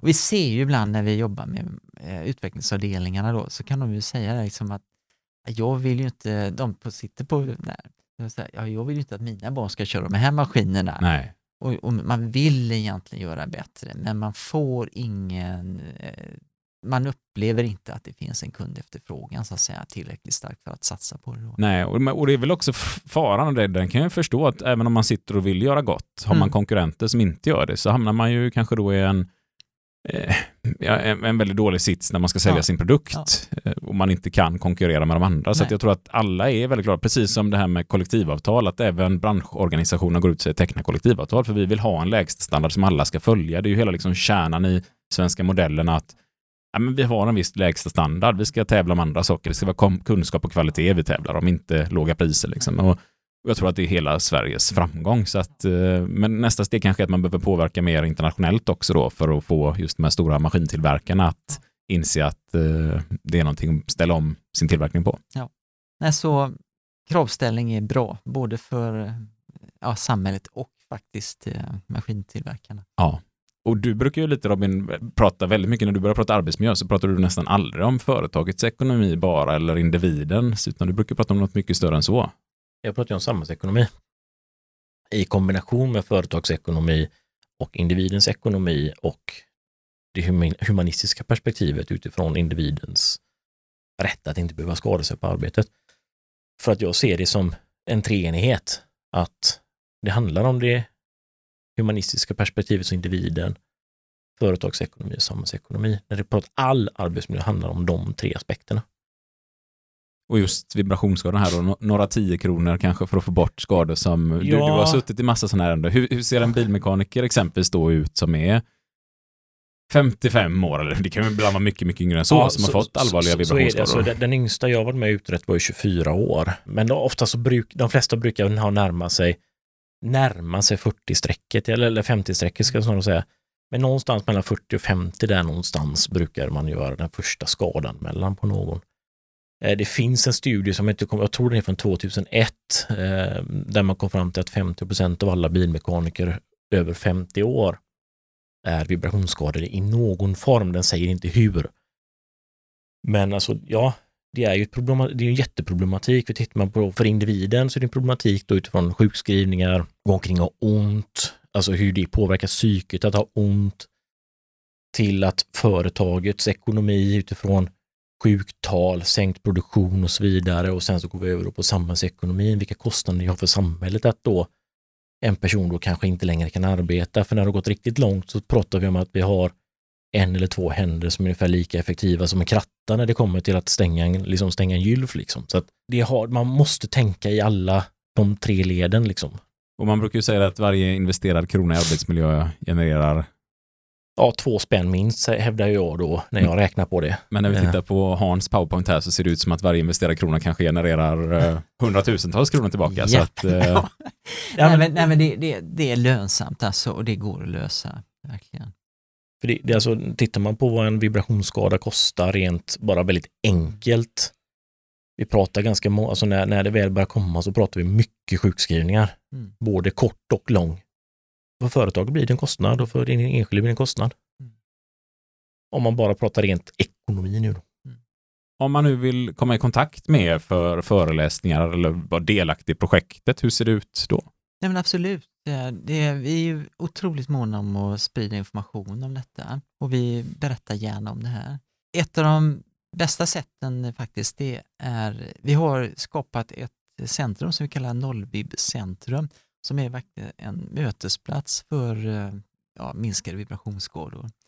Och där är medlemmar då de som ingår i eh, Nollvi-projektet och andra intressenter runt det. Så vi, där är verkligen en bra mötesplats. Där samlar vi all information som kommer fram i området och vi berättar vad som pågår på forskningsfronten och lagstiftning och standardiseringen. Folk kan utbyta eh, tips och sånt om vad som är bra och problem. Och det, är verkligen en, det är verkligen en mötesplats för att komma till rätta med problemen. Så att säga. Och där är folk hjärtligt välkomna att gå med i detta projektet. Eller i föreningen rättare sagt. Och det kan vara företag, fackföreningar, Ja, allt. Intresseorganisationer. Ja, allt. Och det, det, är liksom, det är ju det som är hela tanken med det vi har gjort här nu, det är verkligen att samla alla intressenterna. Det, här är inte bara ett forskarnätverk eller ett maskintillverkare eller maskinanvändarnätverk, utan det är ett vibrationsnätverk helt enkelt. Alla är välkomna. Jag, jag tycker att det här har varit ett otroligt spännande samtal och man känner sig att man vill nästan göra lite fler avsnitt här nu om eh, ISO-standarder och påverkan i EU-parlament och allt det här liksom för att fördjupa sig. Hur går detta till? Så att vi kanske får eh, återkomma någon gång till det här igen. Eh, och Robin framförallt om arbetsmiljö arbetsmiljöpåverkan här för skyddsombud och regionala skyddsombud. För det har du arbetat under med i många år och fortsätter Några nu med. stycken år, ja. Så att vi vill så länge passa på att tacka så hemskt mycket för att ni ville vara med och prata om, nu höll jag på att säga noll vibrationsprojektet, men eh, noll vibrationsskadeprojektet här. Eh, Så får vi väl eh, ersätta de här dåliga vibrationerna med, för att citera Kikki Danielsson här, bra vibrationer eller någonting. Det låter bra.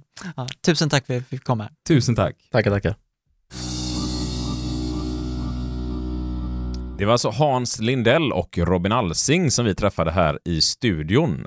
Vill man nu gå in och se de här bilderna från powerpointen så kan man gå in på fuckyoupodcast.podbean.com. Där kan man också finna Swish-numret 123 09 084 26 som man kan swisha in pengar för att vara med och stötta den här ideella podcasten. När man gör det så kan man också skriva medlem, sitt namn och sin mailadress. Så blir man medlem i ett år i Fuck You Podcast Arbetarkulturella Förening. Då har man rätt att medverka på våra årsmöten och om vi slänger in några extra möten kanske blir det en liten julquizkväll här. Det får vi se vad vi hittar på i jul. Där kan man i alla fall vara med och stötta oss så att vi ska kunna fortsätta och driva den här podden, ta oss runt i landet, intervjua intressanta gäster och vara med och sprida folkbildning inom arbetsrätt, arbetsmiljö och facklig verksamhet. Du väljer själv vad du vill betala i medlemsavgift, så att fritt fram, släng in 500 spänn, släng in en hundring, släng in 10 krona. Det väljer du. Alla pengar kommer att göra skillnad. Vi märker också att vi får flera nya och nya lyssnare för varje månad som går, vilket är extremt kul. Och podden är uppbyggd på ett sånt sätt att du kan börja från avsnitt 1 och lyssnade lyssna dig igenom för att få en bra grundkunskap om den svenska modellen. Vi har också något som heter Ledarskapsskolan där du kan utveckla ditt ledarskap. Allt ifrån retorik, kroppsspråk, förhandlingsteknik och allt som behövs för att kunna engagera och få igång människor. För er som har följt podden länge så kanske ni undrar vad har hänt med Sebastian och Jim? Jim eh, jobbar hur mycket som helst. Och Så ryktas det att han har eh, han har skaffat en, eh, jag vet inte om de är sambo, det tror jag inte än, men han har skaffat någon. Så blir han lite så upptagen tror jag. Ehm, sen verkar det på henne som att det är nog att han jobbar mycket ändå. Jag vill få lite skvaller så här i slutet av avsnittet med. Så vi tar oss in på skvallertoppen på de här streaminglistorna också. Sebastian, eh, fullt upp. Ryktet säger att han har blivit eh, förtroendevald igen som klubbordförande på Viskadalens folkhögskola. Och det tror jag han kommer att ta upp i nästa avsnitt. Och då vet han inte att jag redan har berättat det för er, så då kan vi allihopa sitta här och låtsas som att oj, wow, vad kul, ja, det här visste vi inte. Kul, får ni spela med där lite granna. Annars så hörs vi om två veckor. Vi hörs!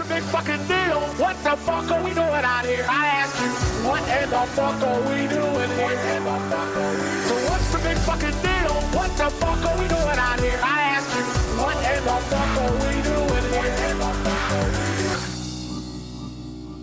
Och här på slutet så brukar det alltid komma någon liten sån rolig grej, men så har folk sagt att vi är lite löjliga. Så tänkte vi, vi slutar med det. Nej, det kommer vi inte sluta med. Så jag tänkte så här, när vi ändå pratar om arbetsmiljö och farlig arbetsmiljö, skadlig arbetsmiljö, så tänkte jag kolla med er om ni har koll på vilket som är världens farligaste jobb. Det är trumpetspelaren i orkestern. Det är fan farligt.